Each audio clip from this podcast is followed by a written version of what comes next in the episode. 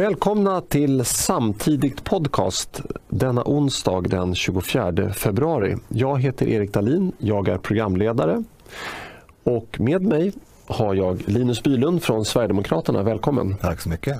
Samt Dick Eriksson från Samtiden, välkommen. Tackar. Mycket samt. Ja, det har blivit så. Ja, det blir mycket samt nu för tiden. Men det är roligt.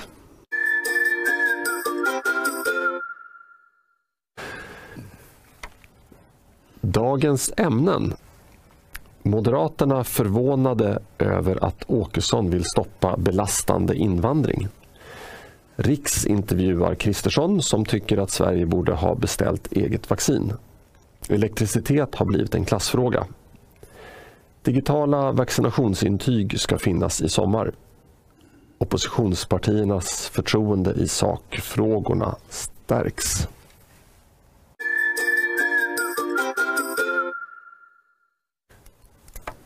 Men allra först, laget runt. Dick, vad har hänt i ditt liv, ditt privatliv senaste ja, veckan? Pre precis. När jag var ute och promenerade i, i fredags så fick, fick ett snöblock i huvudet. Oj, oj, oj. Som tur, jag fick lite skrapsår här men det, det, det, gick fort bort. Nej, det var ju så tur ingen is i det då. Då, då hade det kunnat gått, gått illa. Men jag tror att jag fick en lätt hjärnskakning. Jag mådde illa dagen efter. Oj, ramlade från ett tak? Ja, och det är ju liksom 10 meter då ner och slog mig i pannan. Ja. Jag tänkte, vad fan, kunde inte det kommit en sekund tidigare eller en sekund senare? Ja. Men som tur var, det var inte is i det då utan det var ju, det var ju nu när det töade. Ja, men ändå packat och tungt. Ja, precis. Ja, precis. Jo, liksom, huvudet, man var ju inte beredd liksom. Så jag tänkte, vad fan var det? Har du stämt fastighetsägaren? Nej, jag, jag, jag tycker sånt där håller man inte på med. Det, det... Ja, om, man, om man blir allvarligt skadad? Så kanske. Ja, då kan det bli, bli, bli aktuellt, men nej.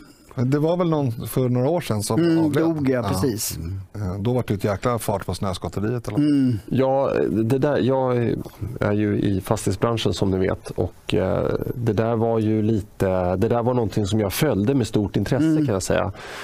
För det som, hade, det som hände där på Drottninggatan det var ju att det var någon sån här form av eh, vad säger man, eh, värmepump mm. som, som stod på taket så där, som hade byggt på ja, och smältvatten från den så att det hade blivit liksom som en klump. Ja, det var ju jättestor mm. koka. Liksom. Ja, mm. för, för jag och tänkte, is, ren is ja. Ja, för jag tänkte men hur, hur kan det bli så mycket is? Alltså det blir ju mer tappar. Ja. visst, det, man kan ju säkert dö av en istapp också. Mm. Men de kan bli ganska stora. De kan bli stora, absolut. Men, men det är ändå, de smälter, när det börjar smälta, mm. det är inte of, oftast är det inte så att hela släpper utan då, då, då, liksom hinner det rinna av en del mm. innan det lossnar.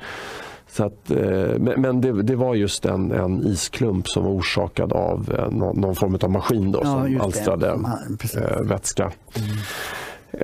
Vi, vi, kanske, ska vi fördjupa oss mer i det här? Nej, Nej jag bara tänkte att det, det, var ju, det var ju då tur att det klarade sig så lindrigt undan. Ja, precis.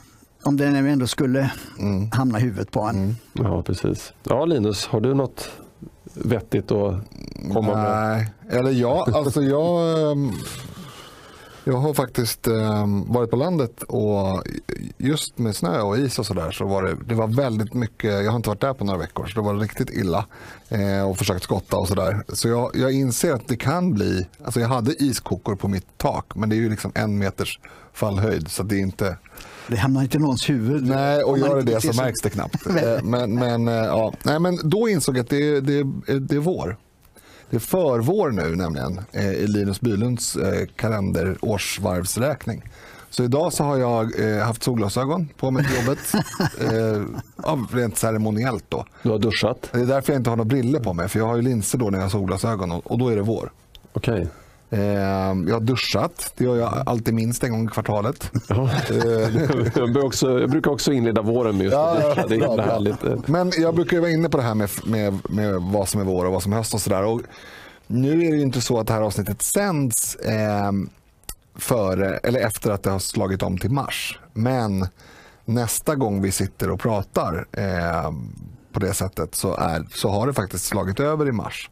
Och då är det vår. Så att, eh, jag tycker att det passar jättebra att vi härmed utropar förvår. Mm. Men har inte vintern skjutits? Alltså november, december, i alla fall här i Stockholmstrakten så är det ju inte vinter men utan är, det blir januari. Jag har också tänkt på det, men är det inte alltid så? Därför att eh, alltså midsommar, det inleder ju egentligen sommarvärmen oftast. Mm. Alltså, den varma delen av sommaren ligger ju efter midsommar. Mm. Och det är ju för att ja, solens Solens eh, absoluta höjdpunkt mm. är ju på midsommar och solens absoluta lågpunkt, det kanske man inte säger men nu sa jag det, mm. eh, är ju på midvinterblotet den 22 eller 21 december. Mm. Eh, eller det som de kristna har gjort om då till julafton. Det är någon dags skillnad där men det spelar ingen roll.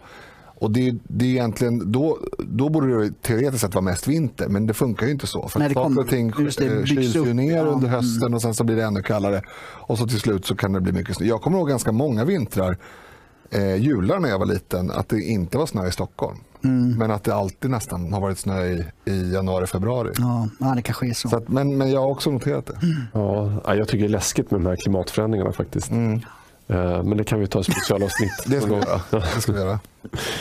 Ja, eh, vad ska jag göra? Vad har du gjort? Det? Ja, vad ska jag göra för att förstöra den här stä glada stämningen? Eh, nej, men det var begravning i fredags. Ja.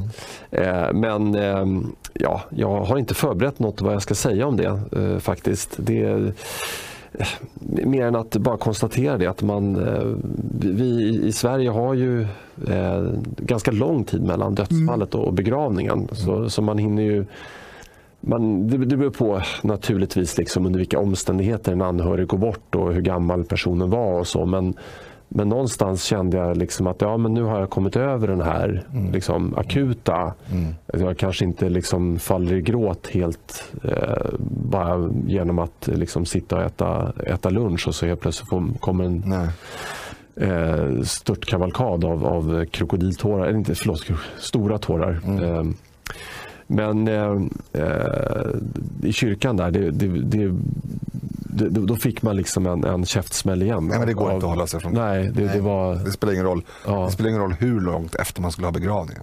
Nej. Jag skulle ju böla mm. om vi begravde min pappa nu, mm. fast han dog 2013. Alltså, mm. eh, men det är som du säger, den här när någon äldre, framförallt då förälder eller, eller ja, på något, den äldre generationen dör då går det ju ganska snabbt. Om man är vuxen ska jag säga. Är man barn så kan det vara väldigt svårt att hantera i alla fall såklart. Men är man vuxen då går det ju ganska snabbt till den här punkten där precis som du säger att man inte havererar mitt under en, en annan aktivitet och bara tappar det. Mm. Det är klart, det kan ju absolut hända första tiden också. Men jag menar eh, Däremot att sitta på en begravning eller om man skulle ha en minnesstund för någon som dör. Det är klart det skulle vara jättesvårt att, att hålla sig samman. Jag har varit på begravningar där jag jag ska inte säga att jag inte har känt personer för det har varit nära på, på många sätt nära personer ändå men som jag inte har umgåtts med på väldigt länge och sådär. Och inte haft någon jättestark relation till och det har ju varit jättejobbigt även om det var liksom långt efter, väldigt långt efter dödsfallen. Eh, förlåt att jag kapar ja. men jag håller verkligen med. Ja, och jag, jag, kan tycka att det finns en poäng med att faktiskt, som vi gör i Sverige, att, eh, att, att vänta så länge. För då, då får man liksom lite grann komma över den här akuta fasen och sen får man ett tillfälle till att sörja ordentligt. Medan om, det hade, om begravningen hade varit efter två, tre dagar, då, då hade man ju liksom inte eh, det är väldigt hade... svårt att se det som ett, av, ett avslut då. Ja, ja, ja. du är så himla nära. Men nu, så jag, jag, kan förstå poängen med att vi väntar. Och Det är ju så att ni som lyssnar på den här podden, ni vet ju att vi i Sverige vi är ju bäst på allt. Så att, eh, ja. Eh, sen, eh, jag kan väl också tipsa, det var, jag ska inte gå in på allt för detaljrika jag ska inte bli alltför detaljrik kring, kring begravningen men jag kontaktade faktiskt Louise Wallenblad som, ja, för, för, som solist. Mm. Hon, hon, bor i Nacka också och vi har haft lite kontakt sedan tidigare. men ja, hon, har, eh, hon har valt att kliva av. Hon, har, hon var ju politiker i Nacka eh, för partiet. Då. För Nackapartiet? Ja, nej, för, för Sverigedemokraterna. Jaha. Eh, men, det låter som en sosse. Partiet. Ja, partiet. Ja, precis. jag, jag tänkte, ni, ni, borde, ni två borde ju veta ja, vilket parti jag som jag... Ja, precis. Mm. Men, men hon, hon valde att kliva av här i tidigare år av olika skäl. Men jag, jag skulle ändå vilja ta tillfället i akt att, att rekommendera henne. Om, Fantastisk sångröst. Ja, otrolig. Alltså, Och, och eh, Det var också enkelt. Liksom. Jag, vi bara med, skickade lite meddelanden några gånger och sen så var hon inövad och var på plats i tid. Och, det, är, det är sånt där som man liksom verkligen ska kunna förvänta sig. Men det är inte säkert. Nej, inte nu, nu för tiden. Nej, nu för tiden. Nej. Exakt. Jag precis det. Just, har vi sagt vem ja. det är som begravdes? Ja, det var min pappa. Ja, mm. ja precis. Ja, ja exakt. Ja, exakt. Om, om ni är nya i eh, eh, tittare och lyssnare. Precis, mm. det, var, det var ett mycket viktigt påpekande. Men jag mm. förutsätter ju att alla våra tittare har Lyssnat sett alla. alla våra avsnitt. Egentligen ska vi förutsätta det tycker jag. Ja. ja det, är, det är grundregel. Och, och, när man säger partiet så menar man Sverigedemokraterna. du kan ju ibland mena Ny Demokrati när du säger partiet. Ja, det är, Eller Centern. Ja, man vet partiet. aldrig. Ny Demokrati det är Eh, partiet med stort P. Ja, just det. Mm. Men som sagt, eh, Louise Wallenblad, kolla upp henne om ni eh, behöver någon eh, operasångerska vid något tillfälle. Begravning, bröllop, födelsedag, dop. dop. Dop. Kan du komma på något Dick? Nej, nej. Podd. Sjunga in våren kanske? Mm, ja, just det.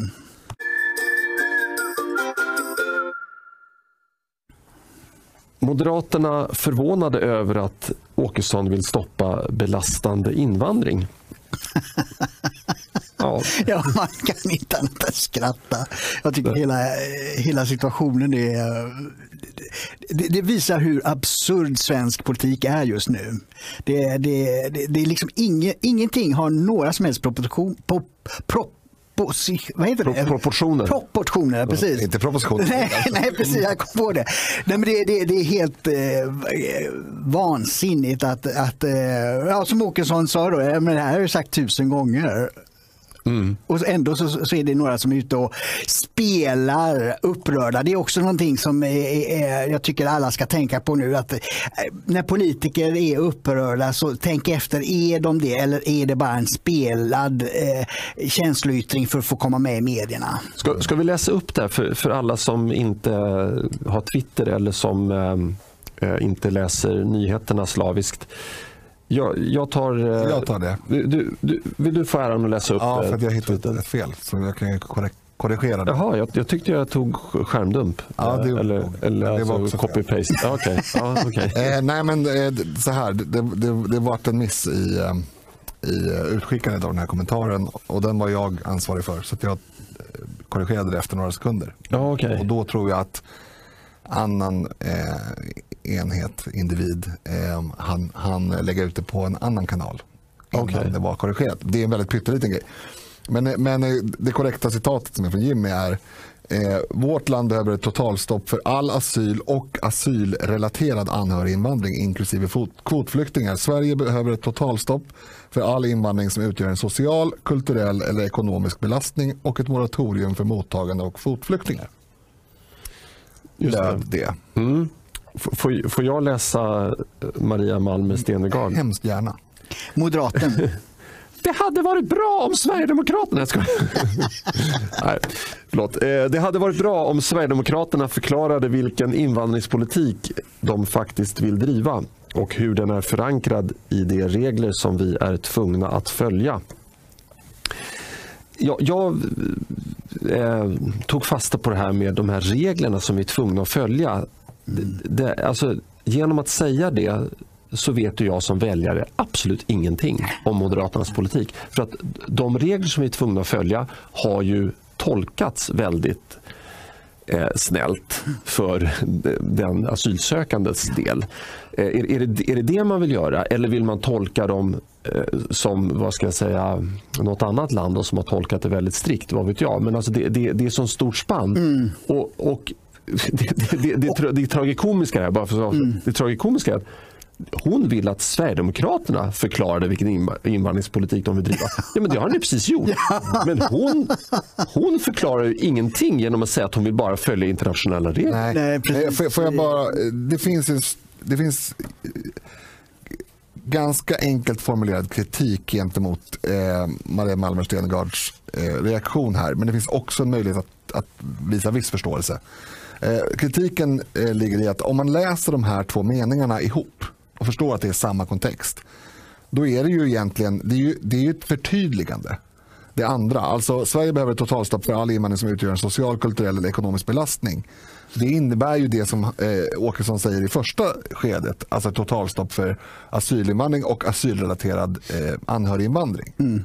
Eh, sen är det egentligen bara ett konstaterande av vad den invandringen är, i vilka områden den invandringen är problematisk. Det vill säga eh, social, kulturell och ekonomisk. Och anledningen till att, att man formulerar sig på det här sättet eh, från Åkessons sida eh, och från partiets sida många gånger annars är ju att det finns ju bland annat moderater faktiskt genom historien i alla fall som har gett prov på en väldigt, väldigt dålig insyn i den här problematiken. Där man har förfäktat åsikten att bara folk har ett jobb. Oj. Där man har förfäktat åsikten att bara folk har ett jobb så är det lugnt. Det vill säga ja. den ekonomiska aspekten. Mm. Men det finns andra eh, väldigt allvarliga, väldigt långtgående effekter på samhället med väldigt många migranter eh, som är av, av, av, social eller kulturell art. Mm. Och Det är därför den här eh, tydligheten görs. Men, men det intressanta är ju reaktionerna som sagt, tycker jag. Mm. För det här är ju inget nytt. Nej, men det... för, för att, förlåt, jag, jag lovade att jag skulle försvara henne också. Jag ska få göra det också. Eh, jag tror att hon helt enkelt inte förstår att de här hör ihop. Att man inte läser det här i en, i en eh, eh, kontext utan tror att vi ska ha någon sorts lagstiftning som, där det står att kulturell belastning är... Alltså, ja, det, det, är ju, och det kan man ju om man vill eh, nagelfara och hårklyva hur mycket man vill när det gäller vad, folk, vad politiker säger. Men eh, som sagt, läser man det här hedligt så tror jag man förstår. Ja, alltså det, det, det är ju bara trams eh, alltihopa. Det, det, ja, som jag sa, det, det, det är liksom spelad eh, upprördhet och, och, och, så sen så är det ju så att, ja, som eh, Nyamko Sabuni och Liberalerna skriver då att Åkesson kritiserar invandrare. Mm. Ja, det var ju när, när det står invandring. Och då är man ju analfabet om man inte förstår skillnaden mellan en invandringspolitik mm. och en enskild person. Mm. Att, det, att det är liksom två helt olika saker. Mm. Och det, så det, det, och där går ju Liberalerna då vänsterextremisternas ärenden att, att missförstå. Mm. Och, och eh, samma sak var det, vem var det, det var någon som just, just gick in på just att kulturell, mm. att det var kulturell belastning var, var så oerhört allvarligt. Och då skriver Hanif Bali, då, moderatriksdagsmannen, jaha, så nu har vänstern ändå accepterat att det finns social ekonomisk belastning. det tycker jag var en rolig kommentar. Ja, det var en fälla som vi inte tänkte Nej, precis. Så att det, men men det, det, det, nej, som sagt, det, det, det är bara eh, känslosamt. Och jo, det var det jag skulle kommentera. Det, att man följer reglerna, för det får man alltid emot sig. Vilken eh, eh, liberal och, och vänsterpartist man än möter i den här debatten och man säger att man vill eh, begränsa sig. Ja, men det bryter mot de internationella reglerna. Mm. Men då säger jag Dublinförordningen. Mm. Den var en begränsning av eh, den här asylpolitiken som ju bottnade i andra världskrigets slut. Eh, så den är ju helt föråldrad i förhållande till dagens rörlighet. Men eh, Dublinförordningen kom till och där man sa då att ja, men man ska söka asyl i första säkra land. Och Det betyder att ingen skulle kommit till Sverige 2015 därför att ingen var från de närliggande länderna hade behövt fly därifrån. Men den helt plötsligt, boom, var den borta. Mm. Det fanns så, inte ens något beslut utan man struntade på Nej, man bara skit i den. Och, och så, sen kommer de här eh, flyktingburmarna eh, och säger ja, ni ska följa, ni ska följa mm. internationell rätt. Vi kan skita i det. Mm. Och, det, och det, det, det hyckleriet gör mig absolut rasande när man är, när man är så ologisk och så falsk. Utan naturligtvis så ska man titta på internationella regler och tala om hur man tolkar dem. För andra länder, precis som du sa, tolkar dem mycket, mycket hårdare än vad Sverige gör. Och det är därför det finns en di diskussion mellan Morgan Johansson, eh, Miljöpartiet och Liberalerna om ytterligare ett undantag eh, eh för särskild humanitär grund. Eh, och eh, där är ju ändå Liberalerna rätt ute när man kritiserar det. För att det, det säger Migrationsverket att varje undantag blir en huvudregel. Mm. För då alla ska in den vägen. Och, och, och, deras advokater som tjänar mångmiljon, mångmiljardbelopp advokater kommer ju att ta den här undantaget. Så men det gäller på min mm. klient här. Och så ska Migrationsverket bevisa att det inte gör det. Så det, allt det här är bara ett skitsnack. Utan grundfrågan är, vill man ha en fortsatt enorm invandring till Sverige som pågår. Det, jag skrev i samtiden här eh, förra veckan om där EU-statistiken visade på att vi har fyra, fem gånger högre anhöriginvandring än vad övriga Europa har. Så invandringen är enorm fortfarande.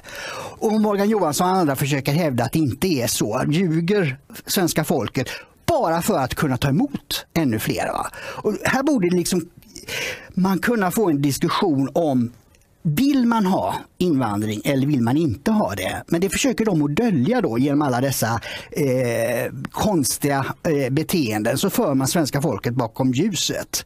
Och det där tycker jag, det, det, det måste bli ett slut på det snart. Mm. Mm. Får jag bara tillägga där att eh, jag har väldigt svårt att betrakta Liberalernas eh, hårda ton gentemot Löfven som någonting annat än ren desperation därför att de, de sitter i knät på sin ärkefiende eh, och de går sämre och sämre i opinionen och de måste vara relevanta. Mm. Jag tror inte alls att de egentligen tycker att det här är problematiskt. Eh, de gör det här som men det är lite som sosse light, att de ser vad vinden blåser och sen agerar de därefter. Mm. Ja, precis. Det är ju deras enda chans att, att hålla sig kvar i, mm. i riksdagen. Att de får borgerliga väljare som stödröstar på dem. Ja, just det. Eh, men eh, ja, det var, det var en väldigt fin utläggning du hade, Dick. jag blir... Oh. Ja, ja. jo, men, eh, jag, jag, som hyser liknande tankar tycker att den var fin. Mm, jag tycker också den var fin. Ja, eh, men eh, det, det, är precis som eh, du är inne på här, alltså Dublinförordning hit och Dublinförordning dit. Alltså första säkra land. Ja, men jag, jag, vill, jag vill inte ens ha liksom någon, någon Eh, någon, någon, vad, vad, säger man, lönndörr? Någon, någon nej, så här, exakt. Eh, så att, tänk om, nej, nu nej. nej, nej om men, det hade funkat från början, mm. mm. då hade det inte varit särskilt många migranter som hade velat åka upp till ett kallt land nej. längst upp i norr. Om, om, om, om man var tvungen att söka asyl i första säkra land, det vill säga ofta Grekland eller Italien eller sådär, eh, Spanien möjligtvis i vissa fall, Eh, då hade det kommit färre därför att då hade vägen till Sverige och välfärden, alltså mm. inte bara Sverige, det finns ju andra länder, varit mycket svårare. Mm. Och då hade inte mm. de här, det här är ju, de här, det är klart att det, det förekommer människor som är på flykt på de här båtarna över Medelhavet men absoluta lejonparten är ekonomiska migranter som mm. vill ha ett bättre liv. Och, och, det som var pullfaktorn var ju att man, Angela Merkel och Fredrik Reinfeldt välkomnade ju övriga världen. Kom till oss, ja. öppna hjärtan och, och, och liksom det, det, var ju ett... Och det, det, vad heter det, människosmugglarna missbrukade säkert och överdrev deras mm. eh, formuleringar men det var ju det. Fast, fast egentligen överdrev de inte. Man kunde komma till Sverige och berätta att ens föräldrar var döda utan några bevis eller mm någonting och få två gånger mm. efterlevandepension. Ja, just det. Precis. Det är, ja, nej, ja. det är så korkat. Så. Nej, och, och jag menar, nu går vi in i kanske ett nytt internationellt regelverk med EU. Eh, och då tycker Moderaterna att då ska vi hedra det. Men säg att Ylva Johansson förhandlar fram åt Sverige och alla andra länder att vi måste ta emot x antal varje år och så vidare. Mm. Ska vi förhålla oss till dem också?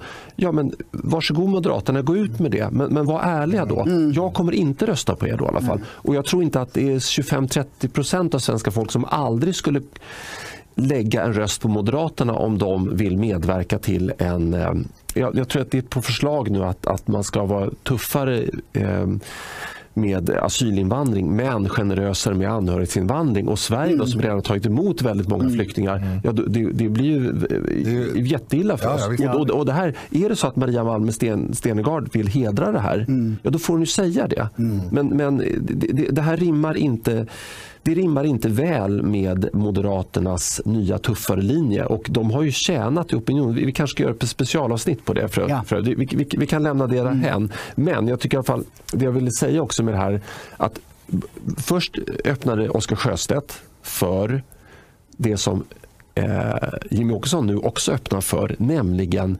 invandring av personer som inte är en social kulturell eller ekonomisk belastning. Mm. Att det är ingen i oppositionen eller, eller förlåt, till, till eh, Sverigedemokraterna mm. stående opposition. Alltså, ja. Ingen av de andra partierna har plockat upp den här, den här mm. utsträckta handen. Utan det är på något sätt som att nej men, ska vi ha invandring, då måste vi bara ha invandring av folk som inte kan försörja sig själva. Mm. Som är kulturellt artfrämmande eh, Eh, och som, eh, kost, ja, som, som också socialt distanserar sig. Mm. Eh, var, varför kan vi inte ha... Var, varför kan vi inte liksom... Vi, vi har ju den invandringen Men- också. men- men det faktiskt. roliga- men, det roliga vi skulle kunna... Ja, förut, var, förut var det ju bara de som bidrog till Mm. landets ekonomiska utveckling som kom hit. Va? För vi har alltid haft invandring, men de bidrog. De hade kunskaper eller eh, idéer med sig som, som bidrog till landets utveckling. Ja, men alltså, ja, det, det är jäkligt roligt och paradoxalt det här. Eh, under alla år när vi har pratat om att begränsa migrationen, då har vi ju fått tillbaks, alla invandrare är inte belastning, alla in, all, invandring är inte dålig. Nej, just det. Mm. Nej, och det har vi aldrig sagt. Nej, heller. exakt. Men nu har vi, nu, då när man är extra tydlig och säger att nej, det finns invandring som är av godo och som är naturlig. Jag tror till och med att det stod rakt ut i den här, eh, det här inlägget. Ehm, men eh, på grund av läget i landet nu så ska, så ska invandring, den invandring som är belastande kulturellt, ekonomiskt och socialt begränsad till, till noll. Och, och det är självklart, om, om, om badkaret håller på att svämma över, då måste man ju stänga av kranen. Det är så enkelt är det, de Ja, och- redan har sväm, svämmat över. Ja, och, och det är ju, det, för Sverige, svenska debatten är ju extrem här i, att man måste eh, det- vara för eh, hur mycket invandring som helst, annars är man, ja, allt det där. Men det är bara att gå till Danmark. De har ju inte bara noll. De har ju ett nettoåtervandring på flyktingsidan. I Danmark som leds av en socialdemokratisk statsminister. Så mer radikalt än så är ju egentligen inte Åkessons Nej, eh, tweet. Nej det, det vi har sagt nu senaste tiden, eller under väldigt lång tid, men som jag har eh, varit inblandad i i alla fall senaste tiden, det är ju att eh, asyl och asylrelaterad anhöriginvandring ska vara noll och återvandring ska vara i fokus. Eh, och, och liksom, man ska ha ambitiösa åt, återvandringsprogram och då blir ju resultatet detsamma, detsamma som i Danmark, det vill säga att man får netto, netto minus. Och det behövs, det behövs under många år. Ja.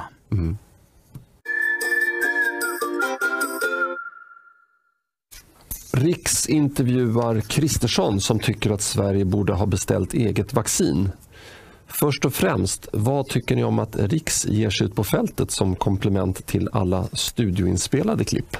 Ja, nej, men det är väl eh, trevligt och det är ju det som är meningen att eh, den här eh, kanalen då som finns på Youtube, då, Riks, eh, eh ska göra mer program.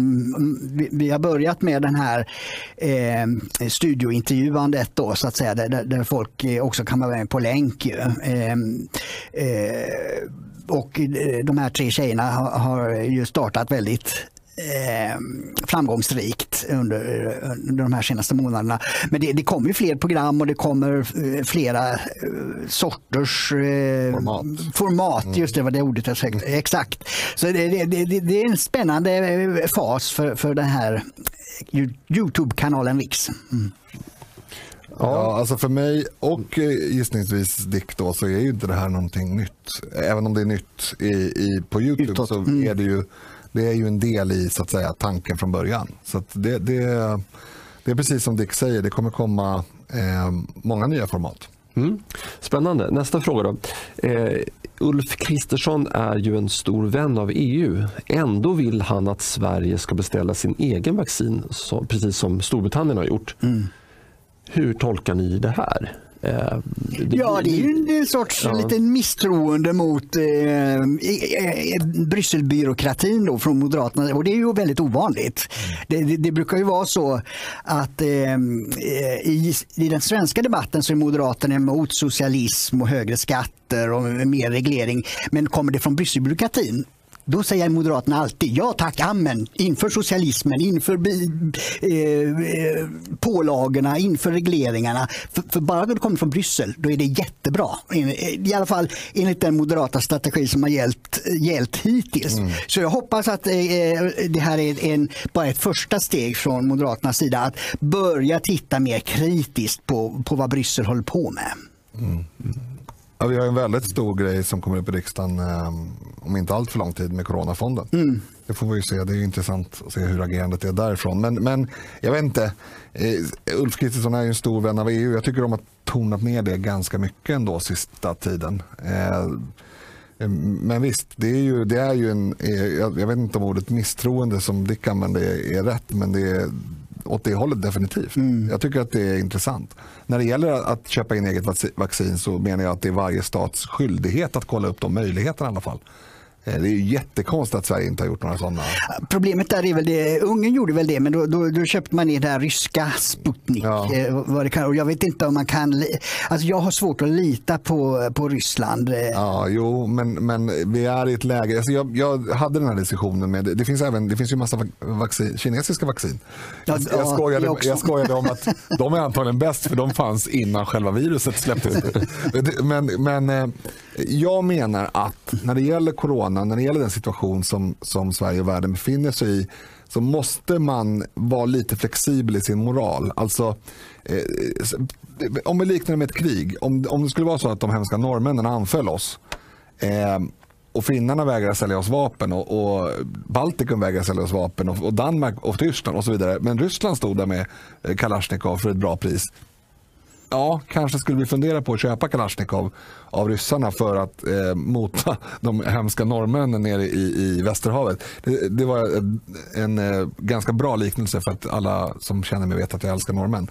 Eh, så det var inget, det var inget sånt. Men, men eh, alltså Ja, man ska sätta desperata tider egna nationella desperata... intresset först. Ja. Det är självklart. Ja. Men det, eh, för mig handlar det om om man kan... Eh, det här handlar om ett vaccin mm. som har tagits fram snabbt. Mm. Och om, om ryssarna har förmågan att eh, göra eh, de rätta säkerhetsanalyserna. Det, det, jag, där, på, deras medicinska kompetens ifrågasätter jag. Alltså. Men det håller jag 100% med om. Det skulle jag också göra om jag bestämde allt. Men mm. jag skulle ändå kolla upp möjligheterna att förse mitt land med vaccin från andra håll ja, ja, det, EU. Ja. Alltså att, att kolla upp det, att mm. möjligtvis upprätta avtal med tillverkare och sådär. Utan, alltså, det betyder inte att man använder det. Mm. Det betyder att man har lite dörrar öppna, att man har lite koll på läget. Mm. Istället så sätter man sig lugnt i båten och säger det här fixar EU. Och vilket de inte gjorde det, eftersom de var då tre, fyra månader efter Israel och eh, Storbritannien då, mm. Eh, som förhandlade med de här läkemedelsbolagen då, långt tidigare.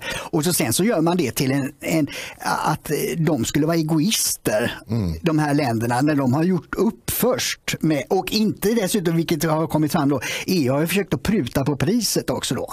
Mm. Så då har det ju lett till en långsam förhandling med säljaren. Om, om man inte erbjuder säljaren det pris säljaren vill ha, då är, då är ju inte en affär inte framme. Mm. Så då tar det ännu längre tid. Det är samma sak där, mm. alltså lite den här krigssituationen. Ja. Man kan inte börja pruta på Kalashnikov mm. om man behöver dem. Mm. Utan då får man betala det som säljaren mm. vill, vill, vill, ha för sina vapen eller vaccin i det här fallet. Mm. Men jag, jag, jag kommer att tänka på eh, det här eh, det man brukar säga om barnuppfostran. Mm. Alltså barn gör som Barn gör inte som föräldrar säger, barn gör som föräldrar gör. Ja. Oh, gud vad jag hatar det där. Men det kan jag prata ja, det kan, ja. Men, men om vi tittar här nu på Kristersson. Ja, vad, vad gör och gör, men vad förespråkar han nu när det kommer till kritan? Jo, han tycker att Sverige klarar sig bättre på egen hand mm. när det gäller att, att köpa in vaccin. Det, det är det han säger. För jag, jag kan inte tänka mig att han förordar att vi ska ha dubbla doser. Att vi säger till EU, ja men köp in 10 miljoner doser här så köper vi in 10 miljoner. Alltså det, det så, det, det, kan jag inte tänka mig att han tycker. Eh, utan han, han tycker att EU har misslyckats här. Mm. Och då är det intressant, okay, var, var har de mer misslyckats? Ja. Kan, kan, kan, det, kan det vara så att, att svenskar faktiskt anstränger sig mer eh, än eh, rumäner, mm. eh, italienare? Är, är, eller är vi exakt samma folk som syditalienare? Nej, det, det, är därför, alltså, EU är bra som frihandelsområde och det mm. måste vi bevara eftersom vi är, är ett exportberoende land i Sverige. Men, men när det kommer över till det här nu som Bryssel vill ha mer och mer makt och över, över sociala områden till exempel. Då måste man ju faktiskt ta in att man i vissa länder som Grekland och Italien, där finns det ju de som går i pension vid 50 års ålder. Medan här stod eh, samtidigt Fredrik Reinfeldt och sa att vi skulle jobba till 75 mm. i Sverige. Varför ska vi jobba till 75 om de jobbar till 50 i andra EU-länder och så ska vi skicka vårt överskott till dem? det är ju så, alltså, det är ju, det är ju så dumt så att man storknar. Ja, och det är ju verkligen, du har tagit den, den mm. liknelsen många gånger. Och ja, jag tar den det är igen. konkret. Det, nej, men inte den Jag menar att det är socialism. Därför att det som händer är att eh, visst, man får, om man skulle driva igenom allt det här skulle man få en någorlunda jämn lägstanivå eh, på alla länder. Eh, det, skulle vara, det skulle vara samma ungefär. Kommunist. Men det är bara det att alla länder som idag är bättre än så mm. skulle imorgon vara sämre. Ja. Ha ett sämre läge. Och det är ju den här klassiska, det spelar ingen roll eh, om alla har det dåligt, bara alla har det lika dåligt. Ja. Och det, det, det är liksom, vi, får, vi, kan inte ställa upp på det. Att Moderaterna så länge har ställt upp på den tanken. Ja, i EU gör de det. De ja, det är skandal. men, men, men kan ja. vi bara ta det där med barn gör vad var det du sa? Nej, men eh, man, man brukar säga ja. att eh, barn inte gör som föräldrar säger utan barn gör som föräldrar gör. Det, är en idiot. det betyder att man inte ska ha någon uppfostran. Uppfostran för mig det är att lära barnen att de gör som föräldrarna säger. Inte som föräldrarna gör. Barn ska inte dricka whisky på fredagskvällen. Nej, men de kanske gör det när, när de blir äldre. Att de, de själva poängen med uppfostran är att barn inte ska göra som föräldrarna gör, utan som barn ska göra. Jo, men så här, om, jag bara, ja. tycker inte om det där uttrycket. Men, nej, det, var, men... det var en jättebra liknelse. Ja, det var tack. Tack. Så, att, så för att sammanfatta då så har eh, Kristersson eh, argumenterat för att gå med i en socialistisk union och sen har han upptäckt att det är en socialistisk union där, där de som är duktiga ska dela med sig till de som är mindre duktiga eller anstränger sig mindre. Mm. Eh, och då har han upptäckt att det här inte är något bra. Ja, ja men det är ett steg på rätt väg. Ja.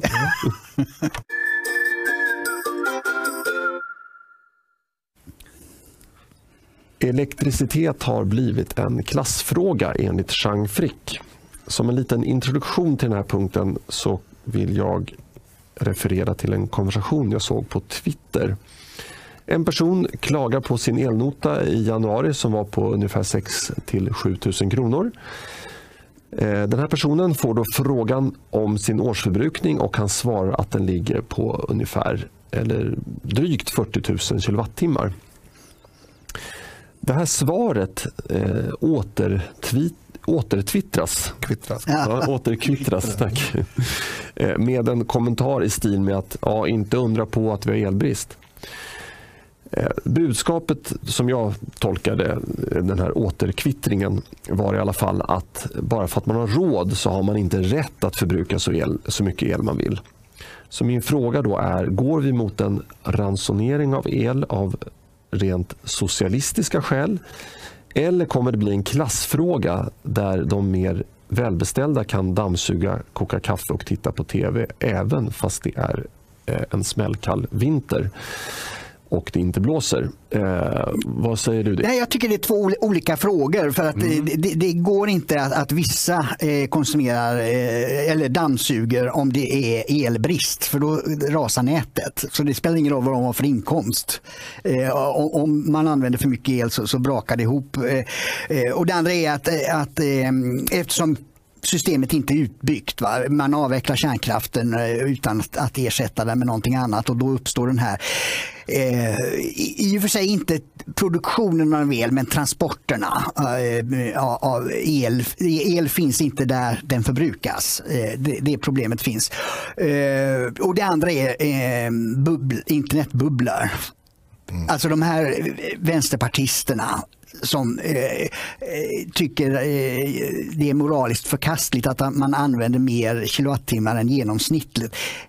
Alltså var träffar man dem i verkligheten? Mm. Det gör man inte. De finns bara i sociala medier. Det är ett antal eh, knäppjökar som av någon anledning lyckas dominera eh, nätet. Alltså det, eh, ja jag, jag, jag, tycker det är, när man läser och följer eh, Twitter och, och, Facebook och sådär så, så, så är, är, det är ju de mest eh, rabulistiska personerna man träffar. Man träffar aldrig dem i verkligheten. Fast här, jag vill bara flika in där att eh, jag hörde faktiskt på, en, på fredagsintervjun i Kvartal eh, och där var det någon Holmberg som var intervjuad. Sören? Eh, jag vet inte. Någon... Statsvetare? Eller? Ja, precis. Ja. Mm. Ja. Han menar på det att inför kärnkraftsomröstningen så var det tongångar som, som alltså, eh, alltså framträdande personer i debatten som före slog att man skulle ha en, en ransonering av el. Nej, det kommer inte jag ihåg. Nej, okay. Men, men alltså det var, han, han tog upp det som ett exempel på att, att det, eh, det var Alltså, de, de, var det KPMLR? Ja, jag vet inte, men fr, fr, fr, frågan, den, den, den, stora frågan var i alla fall om eh, politiska, politiken hade blivit radikalare mm. än förut och då tyckte han nej, det har inte blivit det. För man glömmer bort såna här radikala idéer. Eh, jag ber om ursäkt om jag inte återger det här ordagrant, men, men eh, alltså, det är ju en radikal idé. Du säger själv att men det här är några på vänsterkanten mm. som håller på på Twitter och det, mm. det är ingenting att bry sig om. Mm. Men en sån fråga var aktuell då mm. eh, i slutet på 70-talet. Ja, ja, så långt tillbaka. Ja, jo, jo, men... Ja, i kärnkraftsomröstningen. Okay, ja, men då, då jag förstår jag vad du menar. Men det är ju det, då var ju socialismen en, en eh, bärande idé för, för både, båda de två röda partierna. Det är och, ja, det var ju, mm. alltså Sverige var ju, alltså hela vår enkammarriksdag som vi har är ju taget efter eh, den sovjetiska eh, parlamentet. Ju. De flesta länder, demokratiska länder har tvåkammarsystem. Mm. Eh, Medan vi då 1970 var, tog Moskvas lösning. Alltså det, det, det, Sverige var väldigt influerat av, av eh, öststater. Palme eh, fjäskar ju med, med, med Ryssland och, och, eller Sovjet. Då. Så att, på den tiden, exakt, jaha, det var så långt tillbaka ja, när Sören ja. Holmberg gick. Jag trodde han menade de senaste åren. Nej, nej, nej, nej det var okay. innan eh, mm. kärnkraftsomröstningen. Mm. Men, men alltså det, jag tycker visst, man, man, kan strunta i det. Man kan tycka att det, det är några som håller på på Twitter och larvar sig. Men det, det här var, det, det, är inte så himla länge sedan, det är 40 år sedan som, mm. som man hade en seriös debatt om ska man, ska ja, man ransonera mm. elen. Ja. Och, och, det här tycker jag är, liksom, det, det är ungefär, var, var, ska man, var kommer det här sluta? Ska man ransonera köttätande? Mm. Ska man ransonera solsemestrar? det vill de. Ska man, ja. ja, och så jag tycker att det här är väldigt, väldigt allvarligt. ja, men jag vill som ett ordskoj konstatera att eh, vi har ändå gått en bit. Nu importerar vi ju eh, el från kol i Tyskland. Mm. Och det var inte så länge sedan vi importerade idéer från kol. eh, äh, dåligt. Men jag får bara säga någonting mer genomtänkt och relevant här. Alltså jag är ju... Det, det stora problemet med elförbrukningen är ju att sådana som jag, eh, och i någon mening du ibland i alla fall Dick, mm som har lägenheter, vi, vi kan ju dra ner vår elkonsumtion till nästan noll mm. utan att det är någon större katastrof. Om ni har fjärrvärme? För vi har fjärrvärme. Ja. Mm. Fast det är kanske inte alla lägenheter som har Nej, men vi som bor i Stockholm. Precis. Och gasspis har jag många, många runt om i landet också som bor i lägenheter har ju fjärrvärme. Mm. Ehm, eh, eller, eller någon sorts kollektiv värmekälla i alla fall. Ehm. Ja, fast den går oftast på el. Ja, ja men det vet jag. Ja. Men det är svårare att, att ta ansvar för sin egen förbrukning bara då när det är, om det är 200 hushåll som, som är samma uppvärmning. Som har 10 värmepumpar. Ja, ja. ja men absolut. Men, men för, för, hade det varit så att man kunde skilja på elektronerna, att de här elektronerna de ska gå till uppvärmning och de här elektronerna de ska gå till eh, dammsugning och annat, ja, då hade det varit en lättare sak att få ihop. Då hade man kunnat sagt att ni får inte använda de här elektronerna i vissa eh, tider. Antingen på dygnet eller på året. Ni får vänta en vecka med att dammsuga. Det brukar jag göra ofta. Ibland mycket längre än så. Nu har jag, nu har jag ju en, en ordnad relation här. Nu, nu dammsugs det minst en gång i veckan. Men skit, skitsamma. Eh, poängen är att väldigt många människor har el som inte kanske primär men sekundär värmekälla. Eh, och är det då kallt och luftvärmepumpen inte ger särskilt många eh, kilowatt eh, per inpumpad eh, luftmolekyl ehm, så, så måste elpatronen gå igång. Och då, då, då blir det dyrt. Eh, för de som, och det är inget man kan, man kan inte välja. Det. Vi, ska ha, vi ska ha två minusgrader inne den här veckan. Barnen får sova i skoteroveraller. Det är inte, liksom, det är inte ett alternativ. Men, men så här, jag tycker så här, det här med priset också. Du, du var inne på det här eh, Dick, att, eh, att elnätet kanske kollapsar. Men, men samtidigt så här, Sverige är ju ett, ett rikt land. Mm. Menar, finns det en, en bred medelklass och kanske till och med överklass som tycker att men det är värt för mig att betala 500 kronor för att ta en bastu. Mm. Ja, då går det här in i de här pengarna går ju till att betala för framtida investeringar också. Ja, ja, ja. Så, att, så att de, de, här vänstermänniskorna de ska ju vara glada att det finns de som har en, både en hög förbrukning och är beredd att betala för den. För att annars skulle vi inte kunna in, investera i vindkraft och solenergi.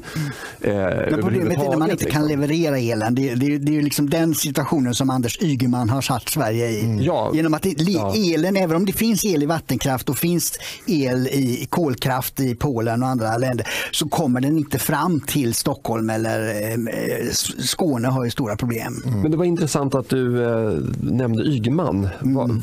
Kan du berätta lite grann om, om det? Ditt, ja, alltså, det, jag, eh, KU ska ju gå igenom det här nu men det, det, det låter fruktansvärt vidrigt att eh, Anders Ygeman då, eh, som är socialdemokrat, är det från Stockholms län eller Stockholms stad? Jag kommer inte ihåg vilket det är. Ja, han bor i Årsta. Så att, eh, det är Stockholms stad då ja. Då. Eller, jag vet inte om han gör det men han har gjort det. Han har, och, och, eh, för sossarna är väldigt noga med sina partidistrikt där och eh, då ska han värna eh, de sina och har då lagt ut två miljarder för upprustning av oljekraftvärmeverk i Stockholm. Var det två miljarder? Två miljarder, Aha. varav en miljard skulle ha tagits från då en beredskapsreserv som är ju för hela landet. Så därför klagar ju skåningarna med rätta på att, att Ygeman använder statens pengar för sin eget partidistrikt. Så att säga. Ja, det är inte bara det att, att det är avsett för alla. Det är inte, han, han har ingen rätt att göra Nej, nej det, det, det, är regel, ja, det är det KU ska, eh, ska utreda nu. Då. Och, men jag tycker det mest absurda är just att sossarna avvecklar kärnkraften åt Miljöpartiet. Men då måste man kompensera genom att eh, investera och upprusta oljekraftvärmeverk i Stockholm ja. för att elen ska finnas. Och det, alltså, så hela, hela politiken här är ju ett dårhus. Ja, det är ett dårhus. Det, alltså, det är verkligen så långt ifrån realpolitik man kan komma. Därför att är man liksom har man, har man någon sorts politisk sinnelag och vill skapa ett bättre samhälle, då mm. kollar man på resultatet. Ja. Inte vad det står på tygkassen. Ja, och så, det är det de gör här. Ja, och, och, och, så hamnar han då precis i det som, är, som jag alltid tolkar som ett kriminellt tänkande. Det är kriminellt att se hur kan jag gömma undan det jag gör. Hur gömmer jag undan det här? Hur smusslar jag med den här miljarden så att den inte syns? Det är ett kriminellt tänkande. Man ska naturligtvis gå ut och tala om det öppet och säga, åtminstone till sina egna ministrar i miljö, från Miljöpartiet. Titta här, nu måste vi lägga två miljarder på oljekraftvärmeverk därför att ni ska ha kärnkraften avvecklad. Tycker ni verkligen det är riktigt? Mm. Alltså det, jag tycker att man ska vara ärlig om, om eh, ja, eh, vad heter det, orsak och verkan. Det, det, det, det är något ruttet när, när man försöker dölja för väljarna och, och allmänna opinionen vad det är man håller på med. Jag tänkte opponera mig först mot det här kriminellt för att det finns ju saker som vi inte riktigt vet ännu här som är, mm. mediala påståenden. Mm. Men sen förstår jag att du landar i själva tänket ja. att, att överhuvudtaget dra igång eh, oljekraftverk för att kompensera för att man har slängt, stängt ner kärnkraften. Mm. Det är ju faktiskt galet. Ja, och en, en, liksom inte gå ut med det och, och, och, och, säga det öppet och ärligt. Man behöver inte göra någon, basunera ut det. Man kan skicka ut det som de brukar göra på fredagskvällarna, ja. pressmeddelanden. Men liksom att i alla fall stå för det man ja, gör. Att, att liksom försöka säga, nej men det där är, det tycker jag är kriminellt. Mm, men verkligen, det, det, är ett sånt tänk absolut. Mm. Men det är ju ännu värre om allt det här som eh, Dagens Nyheter publicerar i ämnet faktiskt stämmer. Anledningen till att jag är försiktig det är inte att jag inte litar på DN. Nog för att de brukar vara ute med fake news ibland men inte i den här typen av frågor. Eh, så jag, jag, jag, jag, tycker att det är väldigt intressant och, och eh, ganska eh, tillförlitligt i det här läget. Men det kommer ju att redas ut 100%. Ja. Så då vill jag vara försiktig. Jag vill inte, jag vill inte säga att Ygeman faktiskt har lurat eh, väldigt många genom att ja, egentligen gömma undan olika dokument och avtal och sådär. Mm. För att det vet jag inte ännu. Men det ser ut så. Ja. Det ser ut som att det är på det mm. sättet just nu. Och han blånekar ju fortfarande. Eh, jag skulle gå så långt att säga att om det här stämmer då kan han inte vara kvar. Och det, det, det går inte. Han kanske kan bli ambassadör någonstans. Jag tror, att, jag tror faktiskt till och med att om det här stämmer så kommer ja, han kommer möjligtvis få en undangömd reträttpost någonstans. Men jag tror till och med att Socialdemokraterna kommer förstå att det här, går, det håller inte.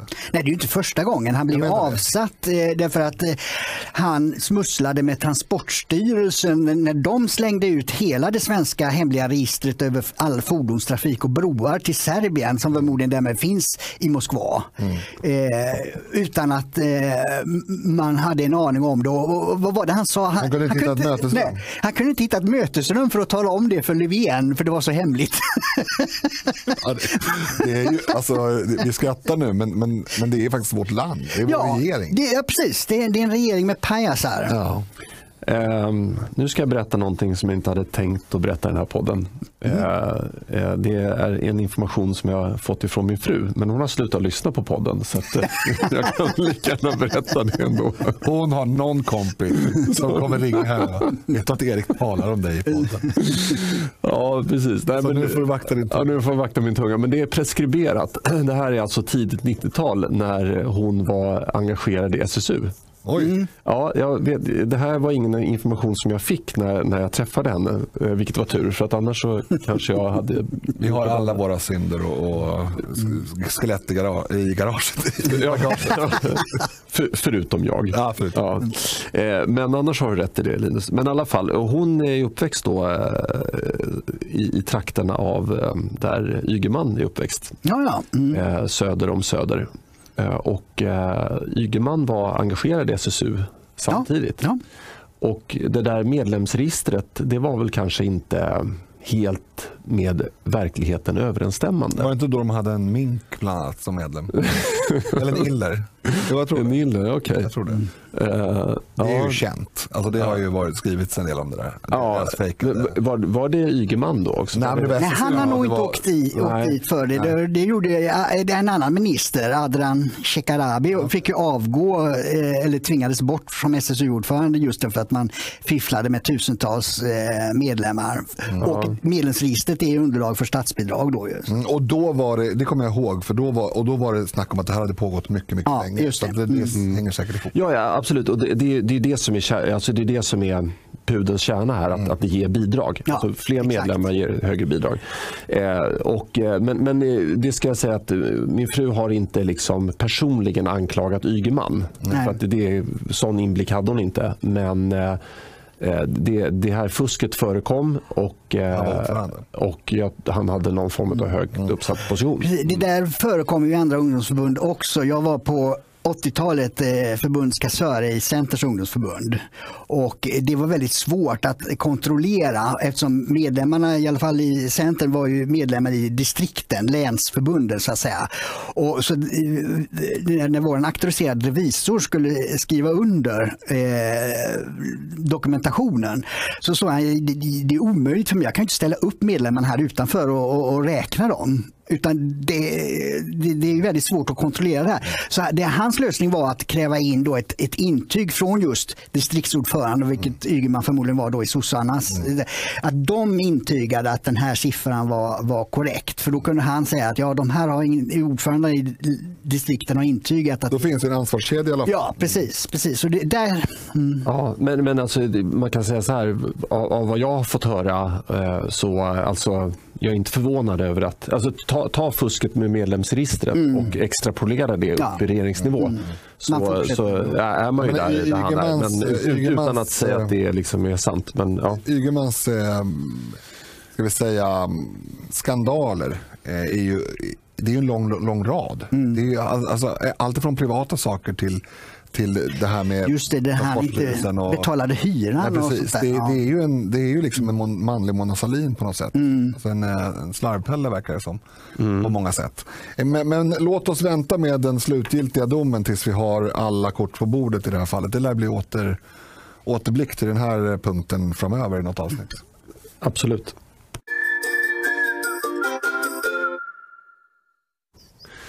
Digitala vaccinationsintyg ska finnas i sommar. Eh, och nu kom vi in på en person som eh, jag för mig att vi har pratat om ganska nyligen. um, nu är det i form av digitaliseringsminister. Mm. Ah, eh, Dick, vill du? Eh, ja, alltså, eh, han sa i slutet på förra vem, veckan, då, Anders vem? Ygeman, ja, vår vän, att eh, alla som vaccin vaccinerar sig har rätt att få ett intyg av vaccinatören. Nu tar vi fram en digital struktur för vaccinationspass och, verifi och verifiering av dessa. Det kommer att göra eh, vaccinationsintygen säkrare, enklare och internationellt gångbara, säger Anders Ygeman. Och han lovar detta till sommaren. Får jag bara säga det att det är ju, det är ju jättebra. Han har ju rätt i sak. Eh, att eh, den här typen av digitala eh, vaccinationspass skulle vara jättebra. Men samtidigt så tror jag att om man tar bort Anders Ygeman ur själva ekvationen så tror jag att de blir säkrare, enklare och internationellt gångbara fortare.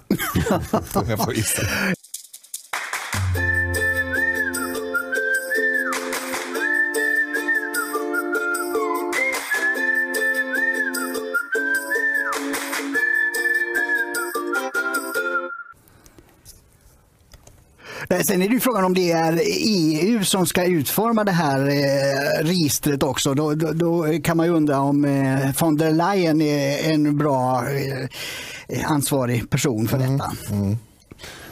Ja, men jag, det, det, det, första jag kom att tänka på när jag hörde om det här, för det är ett par veckor sedan nu, Eh, då, då tänker jag, men vad händer med alla de som har antikroppar? Det pratade vi om i förra avsnittet. Ja. Jag berättade för dig att det blir väldigt administrativt svårt att lösa det, men att det vore rätt. Det var så dum idé så jag förträngde den. Mm. Nej, men jag, sa, ja, men jag håller med i sak. Ja. Alltså, jag tror att man har valt vägen att alla ska vaccineras av, för att det helt enkelt är otroligt tidsödande att börja verifiera vem som har antikroppar och inte och sen ge dem en ja. vaccinationspass. Jag, jag gissar bara.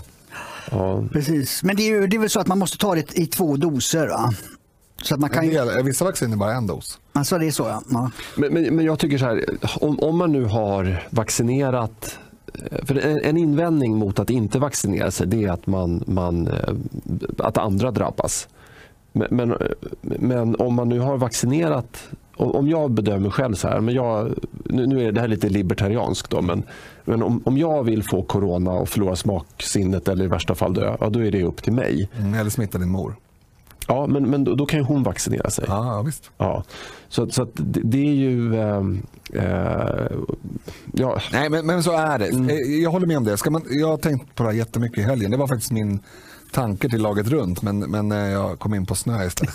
Du snöade in? Eh, nej, jag, jag ska inte säga att jag har vänt i åsikt men jag, jag förstår ändå jag har svårare att motivera varför exakt alla måste vaccinera sig. Och det beror på att är, eller förlåt, eh, dödstalen går ju ner ganska enormt redan vid en ganska låg grad mm. vaccinering. Mm. Och Det beror ju på att man börjar med de som har störst risk för att faktiskt hamna på IVA. Eh, så att om man skulle bedöma, var och en behöver göra sin egen bedömning kring eventuella risker. Absolut. Men det gäller ju alla vaccin och alla läkemedel, all mat. Alltså folk som käkar semla kan inte gå och säga att det är farligt att ta vaccin. Eftersom det, det är ju liksom den största dödsorsaken i Sverige, det största folkhälsoproblemet att folk går omkring och väger för mycket och inte har liksom någon form. Eh, jag inkluderad. Men, och, och, men, men, men det, liksom, det, måste finnas proportioner här. Men man måste bedöma, så här, finns det någon risk med det här vaccinet? Och Sen måste man ju då bedöma vad nyttan är. Eh, och jag, är nog, jag ska fortfarande absolut vaccinera mig eh, när jag får chansen. Jag tycker att det någonstans är min plikt om det kan göra förloppet kortare tills att vi kan blåsa av den här pandemin. Men redan en ganska låg grad av vaccinering ger effekter på det som vi vill förhindra. Det vill säga överbeläggning av IVA och människor som dör. Mm. Och Det är de två största problemen. Eh, så att, visst, det är, men, men, samtidigt, det, jag vet inte om det finns, det finns en grupp som är högriskgrupp som inte går att vaccinera, en i alla fall, och det är gravida. Eh, så då, får ju, då skulle ju, med, med, den, eh, med fri smittspridning och vaccinering bara av ehm, eh, riskgrupper, då skulle ju gruppen gravida i, efter vecka 30 tror jag det är, behöva vara isolerade, all, all, allihopa. Eh, för att då skulle det vara livsfarligt för dem att få den, den smitta som, som då cirkulerar helt fritt. Nu, nu eh, och det kan finnas fler sådana grupper ja, okay. som ja, inte går att vaccinera. Men, ja. mm. lite, lite spetsfundigheter där. Men, mm. men, eh, Nej, men mm. om man tar den här libertarianska vinklingen, alltså svininfluensan som det var väl, eh, mycket prat om att man skulle vaccinera sig mot 2009 var det väl, då, då tog jag inte det. Jag har, inte tagit någon, jag har aldrig tagit någon eh, influensavacciner. Men den här gången tänker jag göra just med det Linus säger att, att om man blir sjuk så blir man lindrigare sjuk att alla de här vacciner, de har pratat om att AstraZeneca skulle vara lite svagare eller vad man kallar det. Men det säger ju eh, de här eh, medicinerna att, att eh, jo, men det är lika effektivt när det gäller det som är en huvuddel, det vill säga att hindra dödsfall och mm. svår sjukdom, mm. alltså just IVA. Det stoppar inte viruset men nej, det stoppar eh, precis, covid-19. Just det, den här, ja precis. Ja. Och, och då, då, eh, då, då, är det ju en libertariansk eh, poäng att ta det själv. För då slipper jag själv mm, mm. bli inlagd på IVA, vilket är en fördel för mig och det är också en fördel för vården att inte få en onödig patient. Ja, nej men alltså, jag, eh, jag har inte haft corona vad jag vet. Mm. Uh, och, men hade jag haft det, då hade jag nog känt sig, men varför ska jag ödsla min dyrbara tid på att gå och, ta och vaccinera mig när jag redan har, när jag redan har antikroppar. ja. Vi, vi kan väl... Eh, men, men, men, vi, men, men det, det jag skulle komma till det var just det här vaccinationsintyget. Jag tycker ja. att det är liksom lite så här att skriva folk på näsan. Liksom. Och, och att man... Men då om, om nu eh, Jordanien har bestämt att du får inte åka dit om du inte har kan bevisa att du är vaccinerad. Är men varför har inte de vaccinerat sina riskgrupper? Då? Och de, alltså vadå? Om, om, om, om, hela Jordan, det är väl en relevant fråga om du vill åka till Jordanien om de inte har gjort det. Alltså, i teorin. Nej, men jag, då, då ja. Eh. varför ska du åka dit om du inte är vaccinerad? Ja, vad ska du till Jordanien göra? Nej, det är i och för sig väldigt trevligt i Jordanien. Ska jag säga. Men ja, det var en jättekonstig tid. Det, det är trevligt i Säffle också. Faktiskt. Ja, nej, men det är ju ett lätt sätt för eh, olika nationer att eh, ändå hindra eh, utländsk smitta från att komma in. Ja, fast, ursäkta att jag avbryter nu, mm. men han var inne på det här med alltså, för att kunna gå på en konsert, för att kunna gå på restaurang och att, man mm. att, att det skulle då eh, att det här vaccinationspasset skulle kunna visas upp. Mm. Ja, du menar i Sverige? Ja, i Sverige. Okay. Mm. Det var i alla fall någonting jag snappade upp. Det är inte säkert att Finns det något dåligt med att man kan få verifikation på att man är vaccinerad? Menar du? Eh, det är resurslöseri om man redan har antikroppar, ja. Ja, men då kan du säkert, säkert skaffa ett bevis för att du har antikroppar och så kan du visa upp det istället. Ja, om det nu går. Men Ygeman kommer inte. Ja, och, och, och, kommer få det mycket dessutom, dessutom, så här, jag, om, om någon kom hem till mig mm. och, så att jag slapp liksom boka tid själv. Och så mm. det, det beror helt på hur, hur smidigt det här gör. Men, du är så jävla bekväm. Ja, men, jo, ja. ja.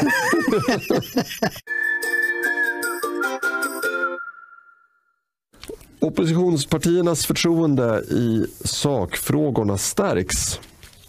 Dick, det här är mm. ditt specialområde. Ja, precis. Nej, men jag, jag tycker flera institut har börjat göra sådana här alltså förtroende för partierna i olika sakfrågor. Och jag tycker de, de ger en annan dimension än det här vanliga hur många procent varje parti får eller skulle rösta på dem om det vore val just då. Och, eh, eh, där sker en förskjutning till oppositionens fördel då där, där eh, eh till exempel då utav de här 12 viktigaste frågorna eh, som folk har, har eh, valt ut så toppar då eh, Moderaterna eh, har störst förtroende i fem områden, Sverigedemokraterna i tre områden, Kristdemokraterna i två områden och sossarna ett, mm. Vänsterpartiet ett och alla andra noll. Och det, det, är ganska intressant. Sen måste man säga då, och det är lite orättvist för att de är ju fler i de här januaripakten eller regeringsunderlag. Det är fler partier att konkurrera ja, om. Sen, sen är det också så att man kan vara bäst mm. på ett område med 22 procent ja. och någon annan har 21,5. Precis, precis. Det, det, det, det är det. Men jag, jag, då har jag, för att kolla hur det ser ut eh, med den hänsynen tagen så är det ändå så att man slår ihop de tre oppositionspartierna och slår ihop alla andra eh, rödgröna eh, röra, som någon sa, så är det ändå så att, att eh, oppositionen har mer än 10 procentenheters ledning över det andra blocket i en, två, tre, fyra, fem frågor. Medan det rödgröna blocket har bara den ledningen i tre. Och dessutom är det då i klimat och miljö, skola, barnomsorg och jämställdhet. Mm. Och det är ju inte de tyngsta frågorna tror jag när, när, när det kommer till val. Eh, så att eh, i, i de här siffrorna, och det här ska vi säga är Demoskop som har gjort den här mätningen i början på februari och publicerats i kvartal eh, jag tycker att det här visar ändå att det finns en kraft i oppositionen. Mm. Att oppositionen bygger här upp ett förtroende som skulle kunna leda till att man får egen majoritet i valet. Det som hindrar just nu är att tyvärr skrämseltaktik eh, anklagelser om alla möjliga olika rötter och, och, och skit fungerar. Mm. De, procenten som skiljer mellan att ge de här partierna som väljarna har förtroende för makten och att partiernas opinionssiffror och mandat är annorlunda tror jag beror just på att sossarna hamrar in den här hatpropagandan och medierna ställer upp på den hela vägen. Mm. Ja, men det håller jag med om, men jag ser ändå en ljuspunkt i det att eh, de drar igång den här kampanjen för tidigt. Mm. Eh, det, det, kommer vara vatten under broarna innan valet 2022. Eh, men däremot eh, gjorde jag en liten snabb analys genom att titta på det här. Det, är inte, det här är inte partipolitiskt vad heter det, körsbärsplockat av mig. Utan jag tror på riktigt att lag och ordning, invandring och integration mm. kommer vara de tre viktigaste frågorna inför valet 2022. Mm. Och Det är de tre områdena som Sverigedemokraterna ligger eh, markant ja. bäst till på. Men jag noterade också i förbifarten att Miljöpartiet till exempel då, som en liten kul parentes, de har en procent som tycker att de har bästa eh, politiken för, för lag och ordning. Mm. Eh, de, har en, eh, de har två procent för eh, in, in, eh, integration. Va? Eh, och de har 4 eh, på invandring. Så det finns 4 mm. max eh, tokstollar. Och de eh, styr eh, Sverige De idag. styr integrations och mm. migrationspolitiken. Det är ju det intressanta i det här. Mm. Eh, en, en fråga som jag tror kommer segla upp är ju sjukvården. Mm. där har Miljöpartiet 1 procent. Mm. Så det finns ljusning här i, i, i inte backspegeln, vad heter det? Frontspegeln. Ja.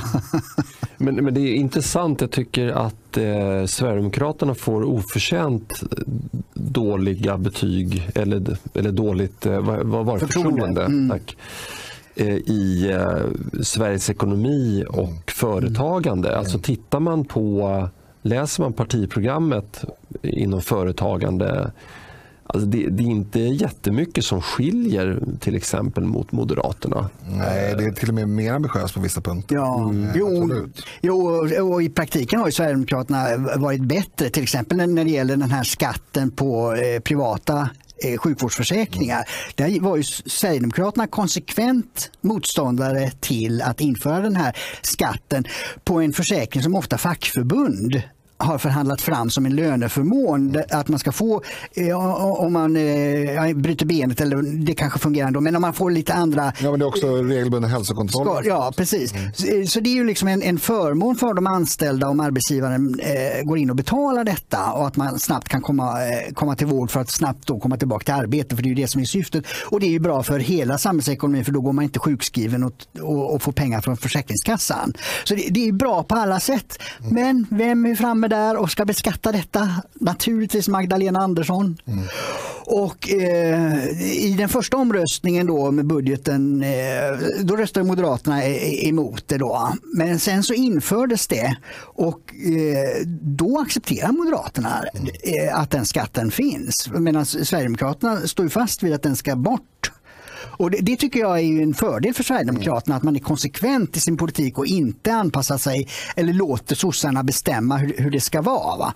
Men skälet till att det blir så tror jag är just det att eh, väljarna, de som tillfrågar här, de får bara svara på vilket parti är bäst. Mm. Man har inte vem som är näst bäst. Nej, nej. Och då är det så, de partierna som profilerar sig på en fråga har ju större chans. Och det, där har ju Moderaterna länge haft företagarfrågor som, som en, en, profilfråga. Så där, därför dominerar eh, de i den delen. Så är det. Och sen mm. så en annan stor skillnad är att Sverigedemokraternas politik på företagarområdet, jag ska inte säga att den är dålig för storföretagare, men den är, den är mer eh, riktad mot små och medelstora företag. Mm.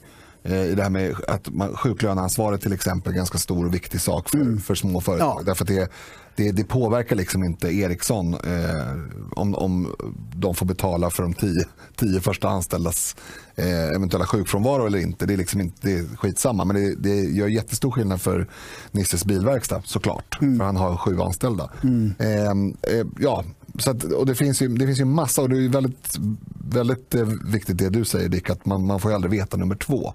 Och det, ja, det finns ju mycket såna här roliga undersökningar som är, jag håller med om att de är intressantare än eh, just opinionsundersökningar. För opinionsundersökningar inbillar jag mig i alla fall, det här är också en killgissning, men Det tror jag är mer eh, imagefråga. Mm. Alltså, vad såg man sist på Expressen eller på sin tidning, vad, vad, man nu läser. Det sätter väldigt mycket bilden av vem som man gillar eller inte. Medan den här typen av undersökningar den är nog mer ärlig. Mm. Det finns ju en, eh, en metod som jag tror kommer från USA som är väldigt, väldigt intressant. och Det är att fråga de frågar folk vad de tror att deras granne ska rösta Just det. Just det. Mm. Då får man ut ett bättre resultat därför att folk har inga problem med att säga att man tror att ens granne ska rösta på Trump. Mm. Men däremot kanske man inte själv vill säga det. Och mm. Samma sak är ju när det gäller Sverigedemokraterna. Mm. Ja. Jo, nej, men en, en intressant fråga det är att Kristdemokraterna då eh, är, anses bäst i två områden. Då. Eh, det var ju då eh, sjukvård och äldreomsorg. Och, och, det är ju två tunga sociala frågor som jag mm. tror precis kommer att spela roll i valrörelsen. Mm. Nu är det som du säger att de, de får 20 procent där så att eh, där är ju väljarna väldigt splittrade i, i partierna. Men jämfört med deras storlek så är det Ja, exakt. Mm. Så de har ju chans att komma igen här nu när när eh, Kristdemokraterna har gått ner lite grann eftersom eh, Ebba Busch är utsatt för mediedrev om mm. Eh, privata affärer. Liksom. Mm. Just det. Um, ja, nej, men det, det, här kan man ju analysera i flera timmar. Ja. ja. jag tänkte precis ta mig att göra det, men jag avstår. Ja, ja. Tack. Så, uh, vi, uh, men vi kan väl konstatera det att uh, det, det, för oss som vill ha ett maktskifte så ser det ju ljust ut på ja. här. Det, det, finns ett grundförtroende för oppositionen. Ja, precis.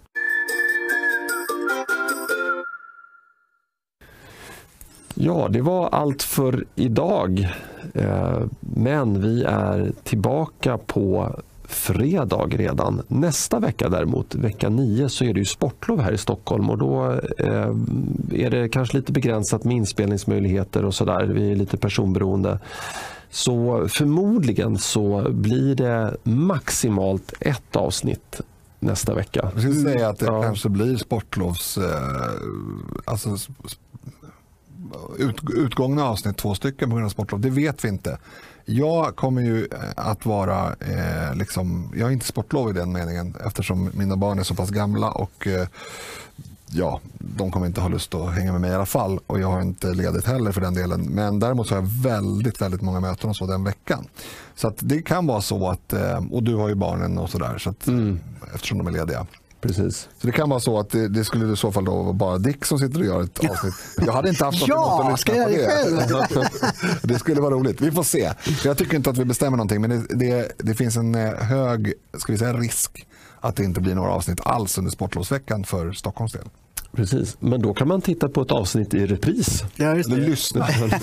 just det. Man kan lyssna. Det är många, vi har ju många eh, människor som har upptäckt oss eh, på Youtube som kanske inte har lyssnat på de hundra avsnitt Eh, som, vi har, som finns som ljudfiler. Som, ljud, mm. ljudpoddar. Och det är ju egentligen det som den här eh, podden är till för, att lyssna. Man får gärna lyssna på YouTube, men jag menar, så jävla snygga är vi inte. Eh, tala för dig själv. Jo, men man kan ta en skärmdump då. men fredag kommer vi ju. Fredag kommer vi, ja. Mm. Eh, och tills dess så säger vi ha det så bra och hej då. Hej då. Hej.